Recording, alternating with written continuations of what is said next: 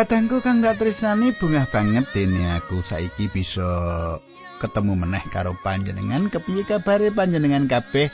Apa panjenengan tangsa diberkahi dening Gusti? Apa panjenengan saiki lagi itu coban kang abot? Aku pendeta pujian tentang sandungake panjenengan supaya panjenengan keparingan luar saka coban lan menawa panjenengan diberkahi Gusti iling menawa kabeh berkah iku asale saka Gusti. Aku pendeta Pujianto bakal ngancani panjenengan ing sawetara wektu iki ana ing sajroning adicara kaya padatan yaiku adicara margi utami. Nah, katangku kang dak tresnani ayo nyerak karo aku ing kini lan bebarengan kita sinau pangandikane Gusti kang nuntun kita marang kahanan kang mukti mengkono ya. sugeng midhangetake ati cara iki.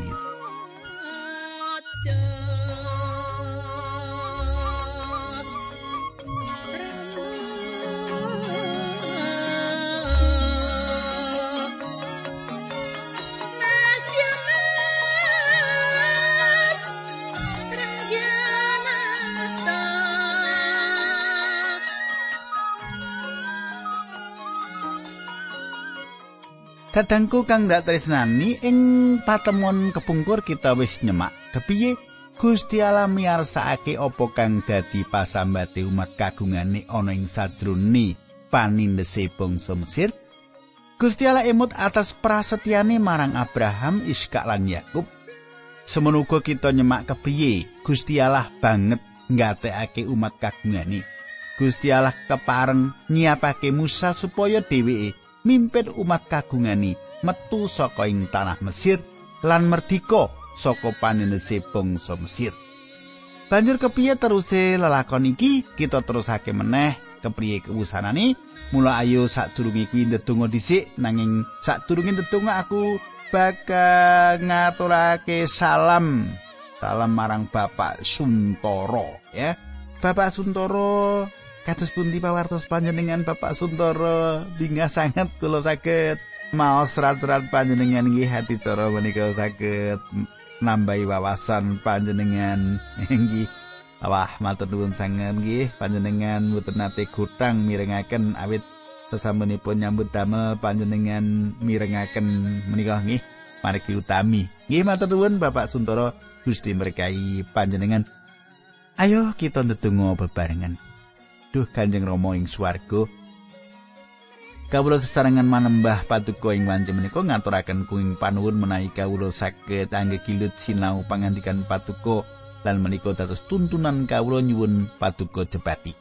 Dinambaran asmanipun Gusti kawula Yesus Kristus kawula netunggal haleluya amin.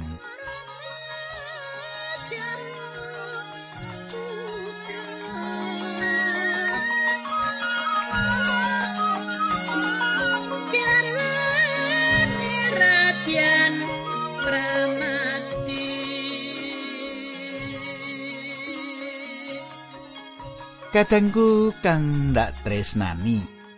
Kita nerusake pasinaon kita ing patemon kita kapungkur. Gusti Allah wis ngendika yen arep mberek arep ngluwari bangsa Israel saka cengkermane lan panindese bangsa Mesir. Gusti Allah ngendika yen arep mberek arep merdekake bangsa kagungane iki saka cengkermani bangsa Mesir. Bangsa iki nuli katuntun mlebu ing tanah perjanjian tanah kang dadi peparingane Gusti Allah. Bangsa iki kaparingan kawilujengan sing nate diprasetyakake marang leluhuri. Ayo kita wiwit nyemak pangentasan pasal telu ayat songo nganti sebelas mengkini surasane tangise bangsaku wis ndak pirengake sarto patrape wong Mesir nindes wis ndak pirsani. Saiki kowe ndak utus nemoni sang pringon lan nuntun umatku metu saka ing tanah kono nanging Musa matur. Kawula menika sinten tini kedawuhan sowan raja lan ngirit tiang Israel budal saking tanah Mesir. Sumitraku. Apa panjenengan gatekake kahanane Nabi Musa? Apa panjenengan gatekake kahanane Nabi Musa patang puluh tahun sadurunge? Dheweke wis kepengin luari bangsa Israel saka Mesir. Musa kendelan rada gumedhi ana mandor Mesir sing dipateni jalaran dianggep mulasara sedulure wong Israel ya wong Ibrani.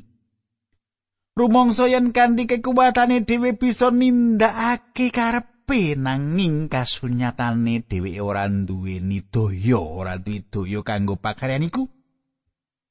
nuli Gusti Allah nglebokake meneh Musa ing papan panggulawentah ing Midian. Ing kene Musa digulawentah nganti ngerti sepira kekuatane lan siap kanggo makarya, makarya ngluwari bangsa Israel ora kanthi suminde ing kekuatane dhewe. Kadangku nuli Nabi Musa matur marang Allah, sinten to kula menika Gusti? kula mboten saged nglampahi dawuh paduka. Katengku ya kaya ngono iku carane Allah nglalatih para kagungane. Dawuh uga mangkono kudu ngadepi Goliat raseksa saka negara Filistin sing pancen banjur dikalahake. Daud uga ngalami melayu ndelik ing guwa lan nganti diuber-uber kaya ayam malas nganti nalika semono Daud ngrumangsane menawa dheweke ku sekeng sekeng ora nedaya lan yen wis kaya ngene iki Gusti Allah lagi kersa ngagem dadi pirantine Daud kepareng sinengkake ngaluhur dadi raja ing Israel.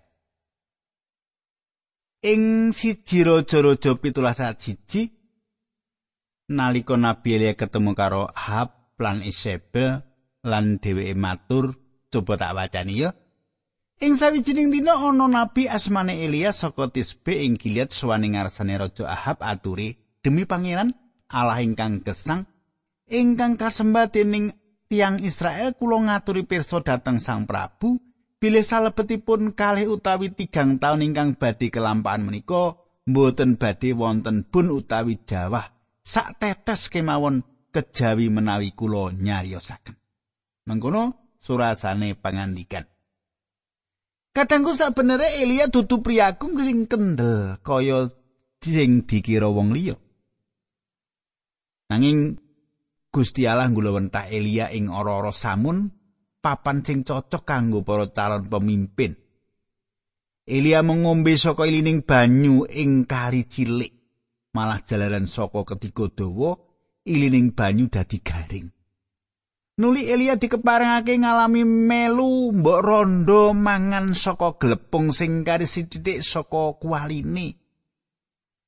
Saiki Elia ngrumangsani yen ora duweni apa-apa nanging Allah kagungan apa wae sing diperlokake. Bareng Elia wis ndodo.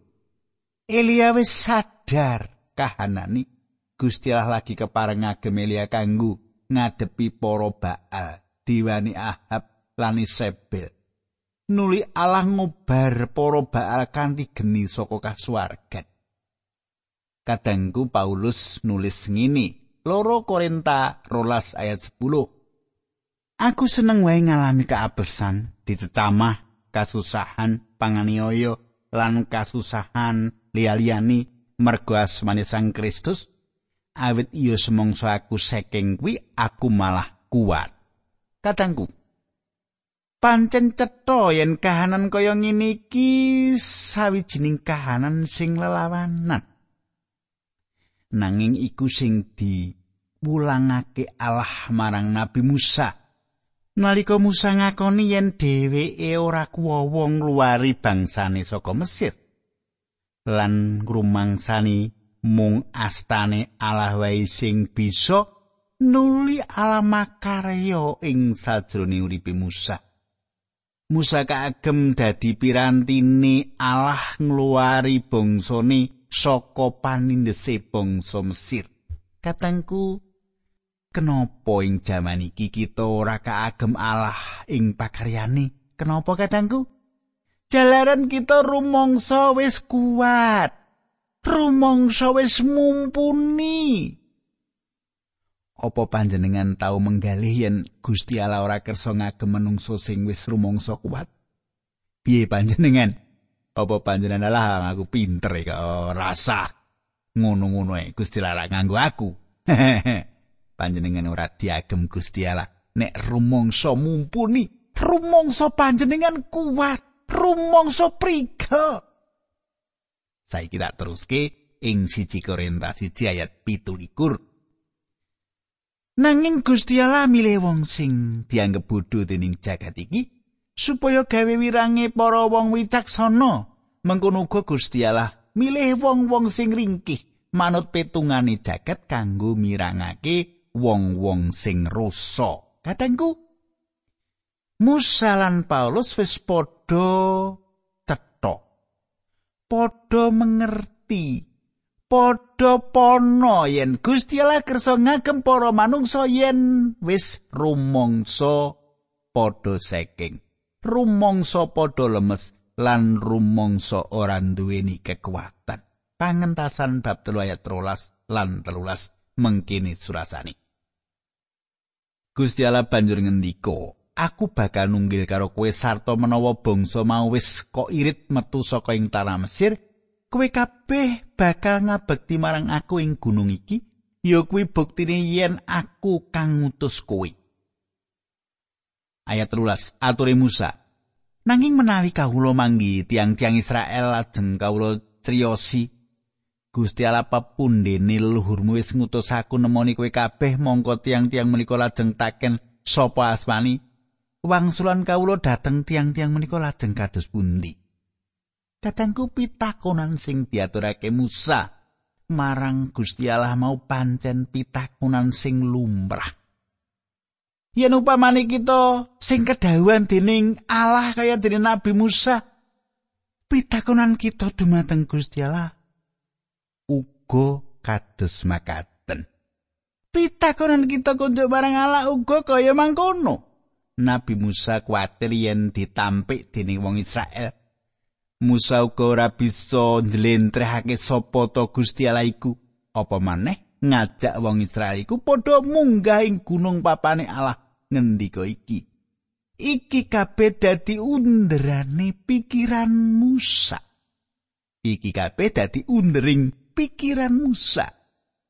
Banjur kepiye nggone Gusti Allah paring jawaban? Ayo padha nyemak ayat 14 pangantasan telu. Pangandikane pangeran. Aku iki panjenengane kang ana. Wong-wong mau kudu kok kandhani panjenengane kang ana wis ngutus aku nemoni kowe kabeh.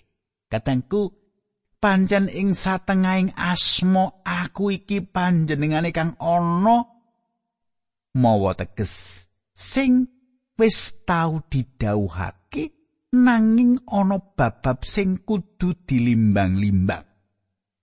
Asma aku iki panjenengane kang ana ing basa asline mung kedadian saka patang aksara. Yen kanggone kita dunake kanthi Yehova nuli diowahi maneh dadi Yahwi. Kepiye pamaos panjenengane basa Jawa? Mongso borong. mongso buruk. Panjen asma iku mau suci lan wingit tegese ora kena digawe sembranan, blawanan. Malah saking wingite akeh bangsa Israel sing ora bisa ngucapake meneh. Ya supaya ora digawe sepele lan digawe gampang, tembung mau ora digunakake ing wicara saben dinane. Yen ngono banjur asma ndi sing bener? Yehova apa Yahwi? Ora ana sing ngerti nanging asma aku iki panjenengane kang ana ing basa Jawa iku asmane Allah. Ngerti ya? Cetha ya? Ing buku Perwaning Dumadi ing kitab Perwaning Dumadi Gusti Allah iku panjenengane sing nitahake sing nyiptakake langit lan bumi. Panjenengane kasebut Elohi Allah sing Maha Kuwasa. Panjenengane ana tanpa diciptakake ingsun iya ingsun aku iya aku Ya Gusti Allah iki sing dawuh Nabi Musa ngluwari bangsa Israel saka tanah Mesir. Saiki coba panjenengan semak Mazmur 135 ayat 13. Mazmur 135 ayat 13. Duh Allah. Paduka selaminipun tetep dipun wartosaken badhe dipun damel misuwur ngantos turun temurun. Katengku. Asmane Allah sing disebut ing kene dijarwakake saka ingsun iya ingsun kanthi nyebut asmane Allah nandhaki yen panjenengan iku ana wujud kaya dene unine Purwaning dumadi 50 ayat selawi Sedulur-sedulure banjur padha dikon sumpah tembunge sumpah yen semasa Gusti Allah ngirit kowe metu saka tanah kini balungku bakal kok gawa pisan Tembung sing njlentrehake anane Allah Gusti Allah ngirit kuwi. Saiki pangentasan telu ayat 15. Kandakno karo bangsa Israel aku iki Allah sesembahane leluhure. Allah Abraham, Iskak lan Yakub. Aku wis ngutus kowe nemoni wong-wong mau. Allah ya kuwi asmaku langgeng selawas-lawase dadi sebutanku kanggo sakaing bangsa turun temurun. Katangku Gusti Allah uga wis ngetingal marang Bapak Abraham, Bapak Iskak lan Bapak Yakub. Gusti Allah iki uga ngutus Nabi Musa supaya ngluwari bangsa Israel. Cara-carane pangluaran iku arep dicethakake ayat sak banjuri. Saiki pangentasan 3 ayat 16. Mangkato. Para pemimpin bangsa Israel kabeh padha kumpulno. Kondo karo wong-wong mau yen aku Allah sesembahane leluhure alai Abraham, Iskak lan Yakub wis ngrawuhi kowe. Kandakno yen aku wis ngetingal marang kowe sarta wis mirsa apa sing ditindakake wong-wong Mesir marang dhewekne. Ayat 17. Lan aku bakal ngluwari bangsa Israel saka panindese bangsa Mesir. Bangsa Israel mau bakal ndak irit menyang tanah sing gemah ripah loh jinawi. Negarane wong kenaan Het Amori, Feris, Hewi lan Yebus. Ayat 18. umatku bakal nggugu karo kowe. Sak banjuri mangkata bebarengan karo para pemimpin Israel mau sowan sang prengon lan matura. Yen pangeran alae wong Ibrani wis ngrawuhi kowe, nyuwuna palilah lunga menyang ora-ora samun sing ngaduwe lakon telung dina. Perlu saus kurban marang pangeran Allahmu. Ayat 19. Gusti Allah banjur ngendika meneh, "Aku mirsa yen sang prengon ora bakal ngilani kowe lunga kejaba menawa dipeksa. Ayat 20. Nanging aku bakal ngertingalake panguwasaku ing kono aku bakal ngukum wong Mesir nganggo kasangsaran sing gegirisi. Sebanjure kowe kabeh bakal ndak lilani lunga. Mitraku, Gusti Allah maringi pitidah marang Musa apa sing kudu ditindakake sing kudu diterusake marang para tetuane, para tetuane bangsa Israel. Lan kepriye nggone ngadep marang Firaun njaluk ide supaya bisa ninggalake tanah Mesir telung dina lawase kanggo atur pisungsung marang alai. Iki kabeh mung reka daya micara supaya ing ngarsane Firaun ora ndadekake kagete atine. Kondo ora kanthi terus terang yen arep bali menyang tanah Kanaan supaya uripe dadi luwih becik. Gusti Allah ngendika Firaun bakal kabut. Panulake Firaun iki arep diagem dening Allah nglawan brahala-brahala Mesir. Allah bakal nedahake kuasani arupa pangeram-eram lan Firaun bakal tetep wangkot atini ora gelem ngidini bangsa Israel ninggalake Mesir. Gusti Allah nuli nekake omo sing bisa mbuka atine Firaun lan gelem ngidini Israel metu saka tanah Mesir. Rancangane ala iki bakal ditindakake lan sapa wae ora bakal bisa ngalang-alangi. Pangentasan telu ayat selikur mengkini surasani. Wong-wong Mesir bakal ndak gawe supaya ngurmati kowe kabeh nganti semongso kowe padha mangkat ya bakal padha disangoni. Ayat 23 saben wong wadon Israel njaluke dandanan mas lan sloka marang wong Mesir tanggane tunggal sak omah barang-barang mau enggokno anak-anak lanang lan wadon srana mengkono dadi bisa nggawa raja branani wong-wong Mesir. Kadangku tembung jaluk ing ayat 23, tembung jaluk o ing ayat 23 iku ora duwe teges nyolong. Maknane ora nyolong. Nanging kaya dene ngumpulake upah padha nyambut gawe mengkono. Jalaran wong-wong Israel padha dadi buruh tukon sing diwenehi upah selawase nyambut gawe. Kaya dene ganti rugi tumrap bangsa Israel Gusti Allah ngrimati para kagungan. Sumitraku. Saiki kita bakal mlebu ing pangantasan bab papat. Ing bab iki nyeritake bab balini Nabi Musa menyang Mesir kanthi ati sing tetek tanpa tido-tido lan wes semelang. Jalaran Allah wis makarya ing ati. Sakabeng pepalang ing atine Musa wis kabrasta dening Allah awit Musa wis sumarah sak butuhe marang kersane Allah. Pancen Musa rumangsa ora duweni daya kuwanen kanggo ngluwari bangsa Israel saka cengkereman lan panindese Mesir nanging Allah paring pangandika sing pancen meranani atine Musa. Saiki panjenengan semak pangentasan papat ayat jiji. Musa nuli matur nanging kados pundi menawi tiang-tiang Israel mboten pitados dhateng kawula saha mboten purun mirengaken tembung kawula. Menapa ingkang badhe kawula tindakaken menawi tiang-tiang menika wicanten bilih Gusti Allah mboten ngrawuhi kawula? Ayat loro, Gusti Allah banjur ndangu marang Musa, "Apa sing ana ing tanganmu kuwi?" Menika teken ature Musa. Katanggu Musa duwe teken sing mengkone bakal bisa kanggo mbuktekake yen Musa abdine Allah iki bakal unggul ngadepi tantangan. dadi paseksi sing ngirameramke tumrap bangsa Israel dhewe uga tumrap bangsa Mesir Musa sing dikanthi dening Allah ngadepi para petinggi Mesir kanthi ati sing mantep. Tekeniku bakal dadi sarana nuduhake kekuatane Musa. Saiki ayat telu. Gusti Allah nuli ngendika tekeniku uncalno Musa banjur nguncalake tekene teken mau malih dadi ula Musa mlayu ngedoi ayat papat nanging Gusti Allah ndawi buntute ula kuwi tanggen lan cekelan. Musa banjur ngranggeh sarta nyekel buntute ula mau, ulane malih dadi teken meneh ana ing tangane Musa. Ayat 5. Gusti Allah ngendika meneh, kuwi tindakno. Kanggo mbuktekake marang umat Israel yen aku Allah sesembahan leluhuri. Allah Abraham, Iskak lan Yakub wis ngrawuhi kuwi. Kadangku akeh wong sing padha duwe panemu Nyongko yen televisi, mobil, radio iku barang-barang sing jahat ngrusak panguripan. Pancen, pancen. Pancen setan bisa nggunakake sarana apa wae kanggo kadurakan. Nanging Gusti Allah uga bisa ngagem piranti mau kanggo kabecikan.